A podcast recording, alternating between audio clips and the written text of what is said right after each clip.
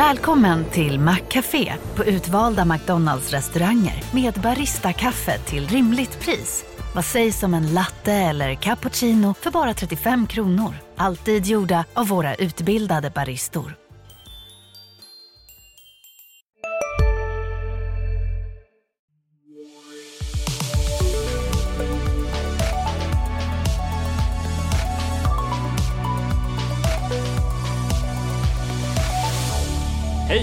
Välkommen till Analyspodden.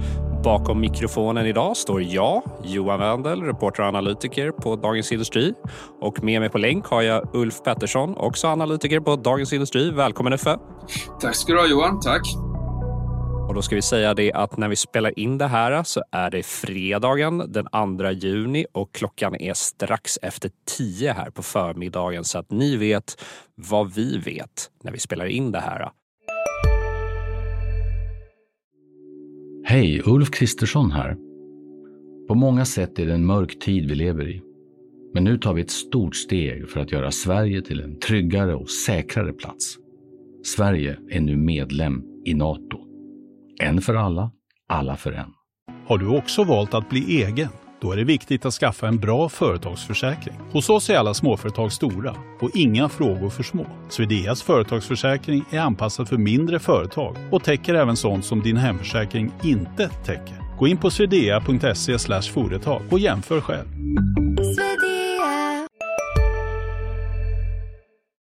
I talande stund så är börsen faktiskt upp en del, även om sen den här initiala kursuppgången i början av året så är det väl mest sidledes på börsen. Eh, det vi laddar upp för idag är ju NFP-siffror, alltså jobbsiffror från USA eh, och veta hur många jobb som har skapats där.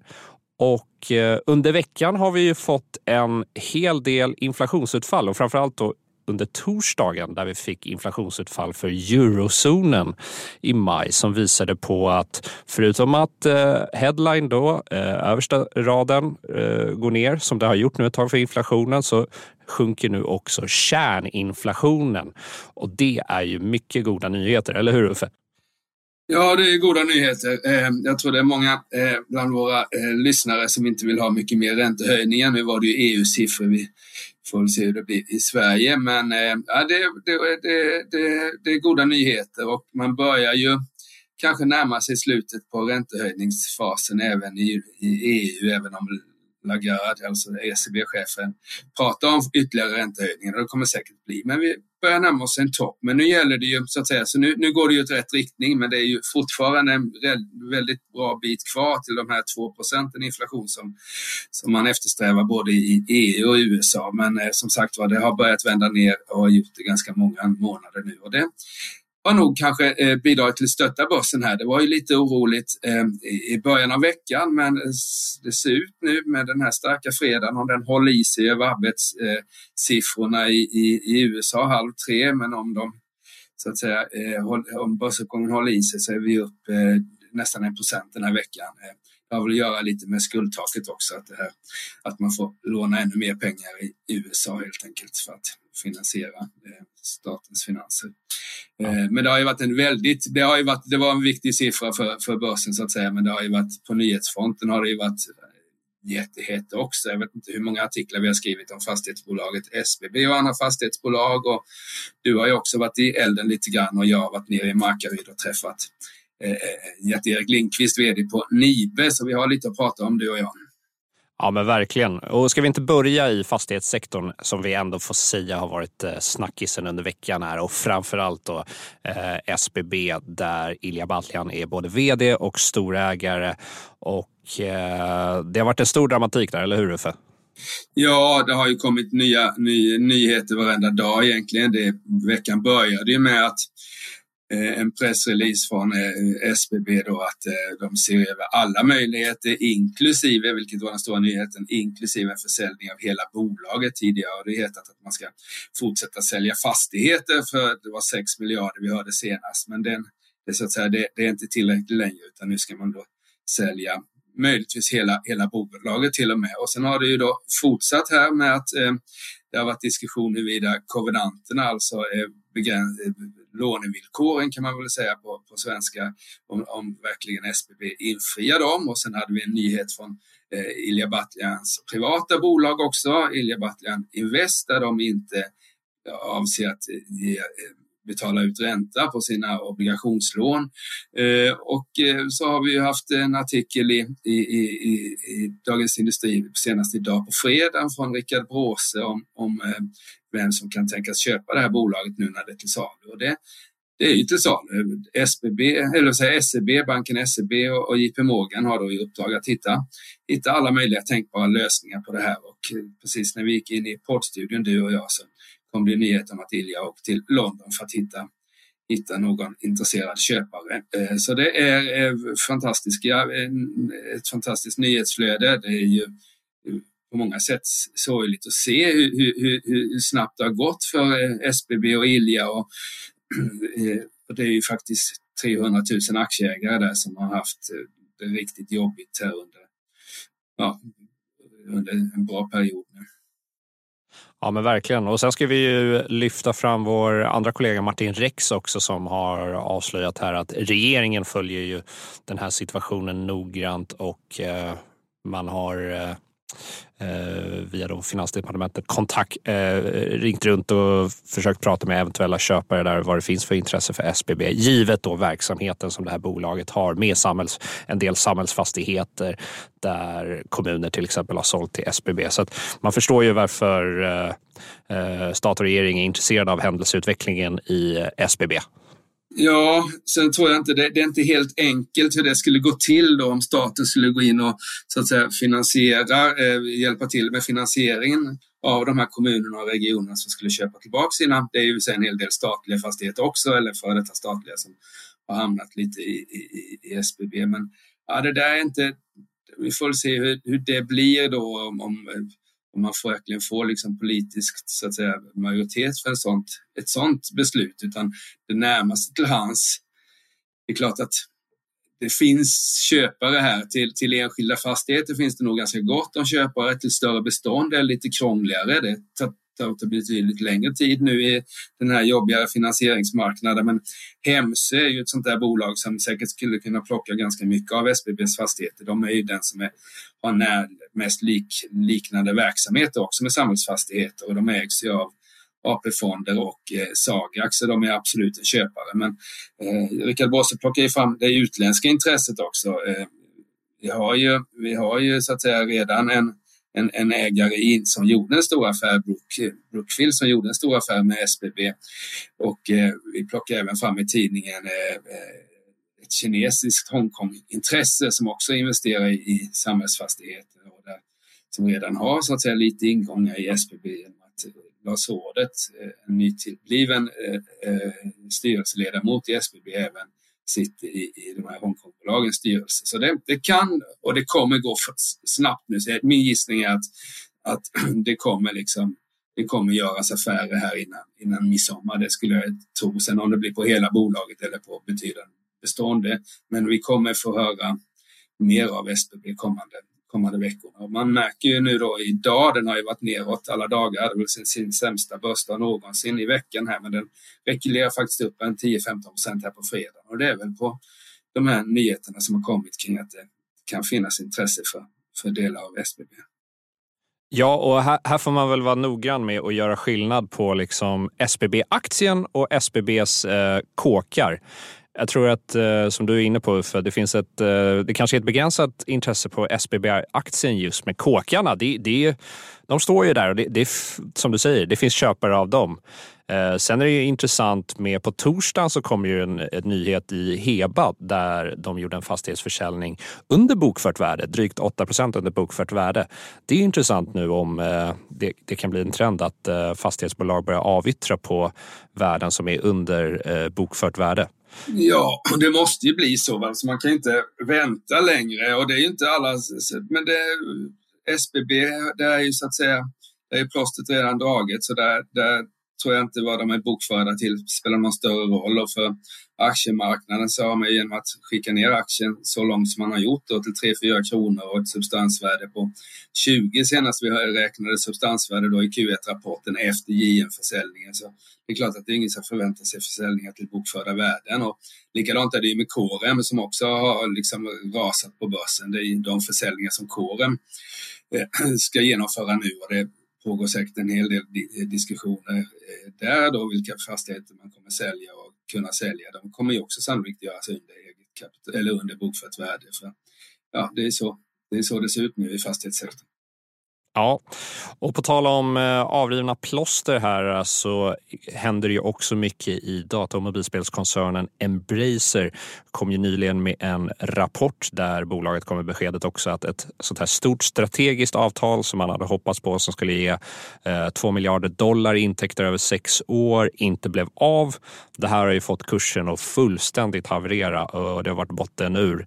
Eh, men eh, i veckan här så snappade ju eh, en eh, användare på Twitter eh, upp att Vingefors privatplan såg ut att flyga ner mot Saudiarabien.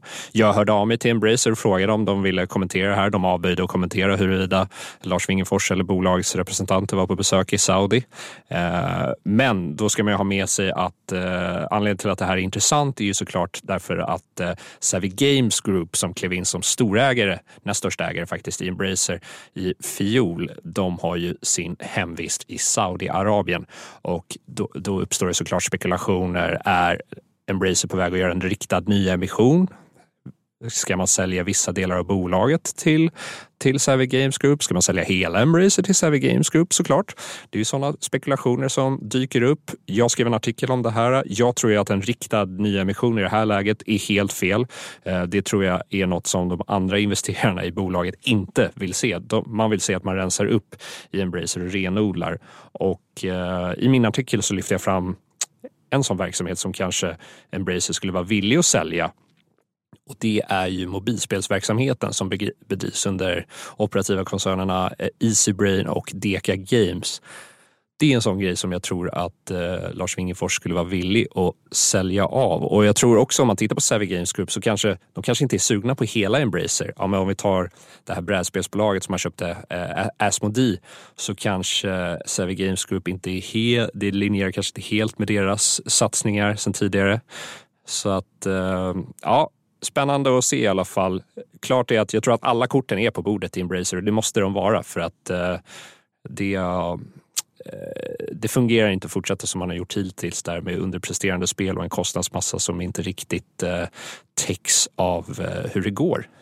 Nej, och en del lån också som ska finansieras till allt högre räntor. Det är spännande att de, de åker utomlands, Ilja till London och, och Embracer till Saudiarabien. Men som sagt var, så vi anledning att återkomma till det där, tycker jag. Är det något eh, mer som, som har hänt i veckan? Eh, eh Sobi brukar du skriva om och du har skrivit om eh, Sectra här på morgonen, men kanske ska jag ta lite senare när vi pratar om aktiecasen helt enkelt. Eh. Ja, jag tänkte bara nämna kort eh, Sobi där. Det var ju väldigt spännande där amerikanska finansinspektionen SEC eh, offentliggjorde dokument om, eh, som visade budprocessen där, så jag har skrivit om det. Det är ganska detaljerat hur liksom processen har gått till från början till slut. Och då ska jag förtydliga, det här gäller alltså den här stora affären som, som eh, Sobi gör där, man, där de vill köpa CTI Biopharma som är ett eh, amerikanskt börsnoterat bolag här. Och eh, de här dokumenten visar bland annat att eh, Sobi fick lov att höja budet två gånger och att det var andra intressenter och eh, den avslöjar också hur mycket pengar som de här CTI-cheferna, det vill säga bolaget som Subi förvärvar, hur mycket pengar de kan få. De kan ju få över en miljard kronor om det här budet går igenom.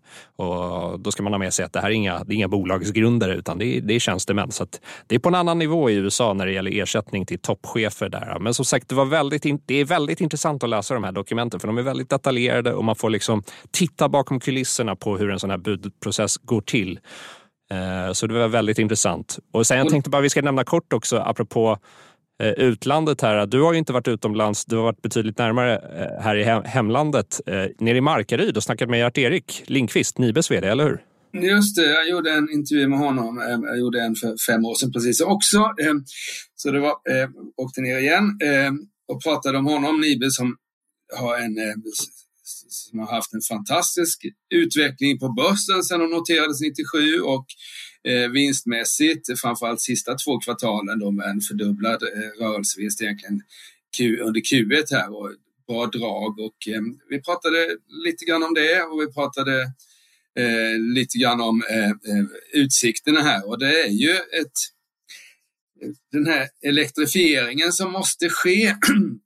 Eh, eh, och, och, samtidigt som vi ska liksom eh, eh spara in på miljön, eh, alltså miljövänlig elektrifiering som går snabbt och där har ju då värmepumparna en betydande roll att fylla då eftersom de kan sänka eh, förbrukningen av el med en 80 procent i, i en, villa eller sådär. Och det är ju det är någonting som vi har haft i Sverige i 40 års tid egentligen i allt ökad utsträckning. Så här är vi väl nästan liksom färdigbyggda höll jag på att säga och det trodde väl liksom Gert-Erik också. Men det, i Europa är det jättestort fortfarande. Det är ju väldigt mycket gas, gas och olja där nere. Eh, framför allt eh, så är ju Tyskland eh, Tyskland har ju förlitat sig på, på, på, på, på gas och olja från Ryssland. Eh, England är en sån här marknad som är intressant som också har haft mycket gas och, och, och gasuppvärmning som också kommer få ställa upp. Och sen så har vi då USA där man eh, nu också eh, med Bidens Inflation eh, Act eh, också ställa om. Så det, det ser ohyggligt bra ut. Och eh, Markaryd ska investera 10 miljarder kommande 3-4 år, varav 5-6 miljarder är ny, nyinvesteringar då i, i nya fabriker. Eh, sen är det ju högt värderad, alltid varit högt värderad. Eh, inte lika högt värderad nu som för ett par veckor sedan, för det är faktiskt lite press på aktierna har varit här. Men ja, det är ett väldigt intressant bolag eh, och eh, eh Gert-Erik verkar vara pigg på att ta in det här i, i nästa fas som sagt var. Så, och det, det är kul att komma ut så där och lyssna lite och det blir liksom lite verklighet, något som jag tyckte var Eh, intressant också att när vi pratar om alla dessa vindkraftverk och, och, och framförallt den koldioxidfria stålen som vi ska göra uppe i Norrland så, så är det liksom det första som händer är att man ringer staten och vill ha subventioner. Men det, så är det liksom inte riktigt i, i, i värmepumpsbranschen utan där säljer man då till konsumenter utan subsidier och det där det gillar jag betydligt bättre egentligen än att vi ska kasta många miljarder på osäkra projekt. Så jag tycker man ska investera i sånt också men det ska ju liksom göras på marknadsmässiga villkor och Markaryd får inga pengar av svenska staten för att hålla på och sätta upp en fabrik i, i Markaryd. Så det är, det är bra.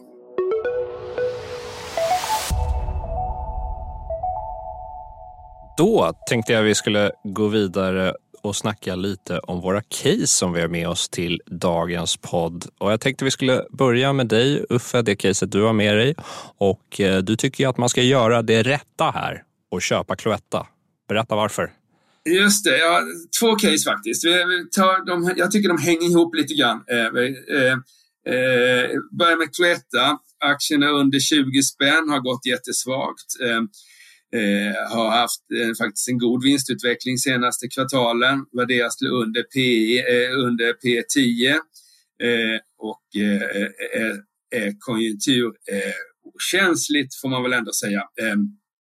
tillhör de mer konjunkturkänsliga. Men beror då på lite, lite ska vi säga, eh, att företaget eh, Cloetta håller på att göra en jätteinvestering i, i Holland som, som marknaden inte gillar. Och det är bara sälj, sälj, sälj. Så får vi en del insiderköp från Malfors, eh, Promoter som största ägare, men det lindrar, lindrar bara kursnedgången någon dag eller två, utan så fortsätter den ner. Och nu tycker jag den är billig och är man lite långsiktig tror jag man kommer tjäna pengar på 19 spänn här. Eh, och det har så att säga ett av jag gick igenom alla bolagen på börsen eh, lite grann och det är väldigt, väldigt få bolag som man hittar med ett PEG-tal på under ett, alltså där eh, P talet är lägre än vinsttillväxten. Eh, och Cloetta var ett av de få. Ett annat, och det är dagens andra case, det som jag gjorde en veckans aktie på i måndags, det är New Wave. Eh, eh kläd, klädförsäljningsbolaget får man säga, även om de säljer mycket mer än kläder. Eh, eh, New Wave eh, som eh, också värderas till under PE, också en tillväxt som är klart över 10 procent, där med ett PEG-tal på under 1. Men där marknaden har eh, sänkt aktien med 25-30 procent senaste månaden. Eh, till, det finns en del anledningar till det. Tror jag folk är oroliga för konsumentefterfrågan, folk är oroliga för eh, uppbyggnaden av lager. Kassaflödet har varit negativt sista tiden här och eh, de är oroliga för om de här vinsterna är uthålliga. De har haft mycket starkt vinstlyft de senaste två åren. Men jag tycker det är lite, lite överdriven, eh, överdriven oro. Eh, eh det går fortsatt bra. Man får inte glömma bort att att även om konsumenterna är, är, är tröga i Sverige, och det är de verkligen, så är det inte fullt så trögt på övriga marknader och eh, Sverige utgör mindre än en tiondel av New Waves eh, så att säga, konsumentrelaterade marknad. Eh, och eh, varumärkena tar marknadsandelar och det är väl kanske det viktigaste man ska liksom fokusera på eh, och inte bara titta på de stora, stora, liksom, den stora konjunkturen utan är det ett bolag som tar marknadsandelar så så gör man även det i lågkonjunktur, kanske till och med mer i lågkonjunktur. Så jag tycker det, det är två köpvärda aktier som är lågt värderade. Eh, I övrigt när jag tycker att börsen allmänt är lite högt värderad så tycker jag att P10 det känns, känns stabilt. Ja, och eh, New Waves eh, vd och storägare Torsten Jansson verkar hålla med dig. Han har ju köpt aktier här för eh, drygt 30 miljoner under veckan här. Alltså. Ja. Det är pengar det med. Det är pengar det med och det är väl det som är eh, så att säga ännu en likhet mellan eh, Cloetta och, och New Wave. Att där sitter då huvudägaren och köper aktier när de går ner. Och, det, och eh, eh, nu kommer det ju, nu har ju faktiskt New Wave aldrig varit någon högutdelande sådär, men nu kommer det en utdelning här på 6,50 eh, per aktie. Det är 3, 3 4, nästan 4 procents direktavkastning. Så Torsten får ju loss en del pengar till att återinvestera om man vill det, Torsten Jansson. Så vi får se om det blir fler, fler köp eller inte. Spännande. Du då? Du har ju med dig ett case också till våra lyssnare, Johan. Ja, men precis. Och eh, det är ju eh, medicinteknik och cybersäkerhetsbolaget Sectra. Ett fint östgötabolag eh, med anor på börsen sedan 1999. De har en lång börskarriär nu. Men de, man får ju säga att det här bolaget tillhör ju den här liksom, kategorin börsstjärnor. Alltså Fortnox, Hemnet, sådana här aktier som alltid är superhögt värderade och det, man verkar inte kunna plocka in dem på någon vidare låg värdering. Och eh, Sectra kom ju med rapport här på fredagsmorgonen, alltså för några timmar sedan, baserat på när vi spelar in det här. Och eh, det är svårt att hitta något att klaga på i rapporten om man ska vara ärlig. Eh, om man kikar på hela verksamhetsåret så den kontrakterade orderingången dubblas. De har en rörelsemarginal som är nästan 5 procentenheter över deras finansiella mål de fortsätter att leverera tillväxt och de fortsätter att ha supernöjda kunder. Och eh, Sectra håller ju på att gå över till eh, en modell där man istället för att sälja licens, eh, licens, eh, eh licenser så säljer man istället tjänster. Och eh, det här ger ju då en högre andel återkommande intäkter och i allt högre utsträckning ska man sälja de här tjänsterna då via molnbaserat. Eh, så att det är en övergång som sektorn håller på att göra. Den är forts, fortsätt, fortskrider och den här färska rapporten visar att över 50 procent av intäkterna är nu eh, så kallade återkommande intäkter.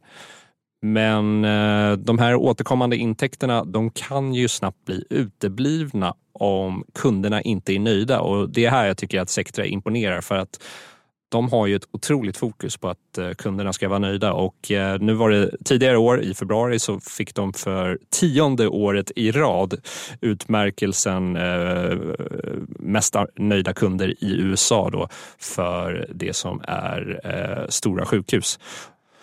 Och Sectra säljer då som bekant, eh, de har två huvudsakliga affärsben. Ett, ett, ett av de eh, affärsbenen är ju när man levererar IT-system för medicinsk bildhantering. Men glädjande i den här rapporten faktiskt eh, är att deras andra affärsben som är cybersäkerhet faktiskt vänder till vinst. Har en rörelsemarginal på över 8 procent det här verksamhetsåret. Det här, var, det här var en verksamhet som levererade förlust i fjol så att nu har man vänt den också. Och här, här levererar man saker som krypterade mobiler och sådana här grejer så att man kan prata om eh, väldigt känsliga saker över mobiler.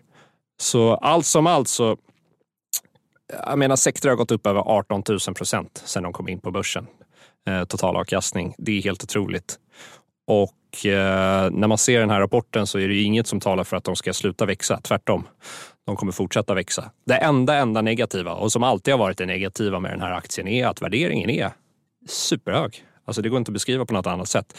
P talet är på de här nivåerna så är det nära tresiffrigt om man går på konsensus, då, genomsnittet av analytikernas prognoser för innevarande räkenskapsår. Jag tror att de kommer justera upp de här prognoserna eh, och de har ofta legat i underkant på det här bolaget. Men ändå, det är en hög, högt värderad aktie. Sen är ju den här ett sånt bolag som, anledningen till att det är högt värderat är för att de har en fin vallgrav, de kan höja priserna även om man har de har ganska långa indexrelaterade eh, kontrakt som löper 3 till 5 år, men på sikt så får de ett väldigt fint värde. Så jag tror ju att man ska ha den här aktien under bevakning. Man kan nog börja snitta in sig. Man ska inte sätta allt på, allt, allt på ett bräde på de här kursnivåerna. Man, man ska hålla den här aktien över, på, på, på översikt för att rätt, vad, rätt som det är så dyker det upp fina köplägen i den här aktien och perfekt att öka över tid i den här eh, aktien för att det, de är en vinnare på sikt, Sectra. Bra, och den är upp 7 procent här på, på förmiddagen när vi sitter och pratar efter rapporten som du pratade om Johan och 31 procent i år. Så den, den har gått bra både på kort, kort sikt och lång sikt och även hyperkort sikt, nämligen idag efter rapporten. Eh, ett jättestarkt bolag. Och apropå när vi tittar på kursrörelse så måste vi ändå nämna här, det är mitt, mitt, i, mitt i sändningen, men nu är alltså då SBB upp 30 procent nästan och har sin bästa börsdag någonsin. Eh, det är lite, lite tröst för alla dessa, dessa som har haft det tufft i, som, eh, som eh, SBB-aktieägare. Det är ju bara en krona eller så, så det är ingenting mot, mot vad den stod i tidigare. Men, men likväl eh, 30 procent upp, det är värt att notera igen. Eh, ska vi titta lite in i framtiden här också innan vi stänger butiken för idag Johan? Ja men absolut. Eh, och då kikar vi på nästa vecka här då. Och då måndagen så har vi ju eh, bland annat eh, producentprisindex här i eurozonen och det är ju ytterligare en pusselbit i det här inflationspusslet för att försöka reda ut var inflationen är på väg. Förhoppningsvis pekar den på nedåtgående inflation. Sen tisdagen, då är det nationaldag då är Stockholm, både Stockholmsbörsen och Helsingforsbörsen är faktiskt stängd på tisdagen så att eh, då är det bara ut i naturen och eh, lek istället. På onsdagen får vi faktiskt lite eh, euro och EU-sympatier från SEB här och det ska bli intressant att se vad svenskarna tycker om euron till exempel. Här i fredagstidningen i Dagens Industri så hade vi ju en eh, mycket intressant artiklar om den väldigt svaga kronan. Vi har inte haft en så här svag krona sedan finanskrisen 2009. Så eh, blir det kanske en liten krondebatt med anledning av de sympatisiffrorna eller vad tror du Uffe?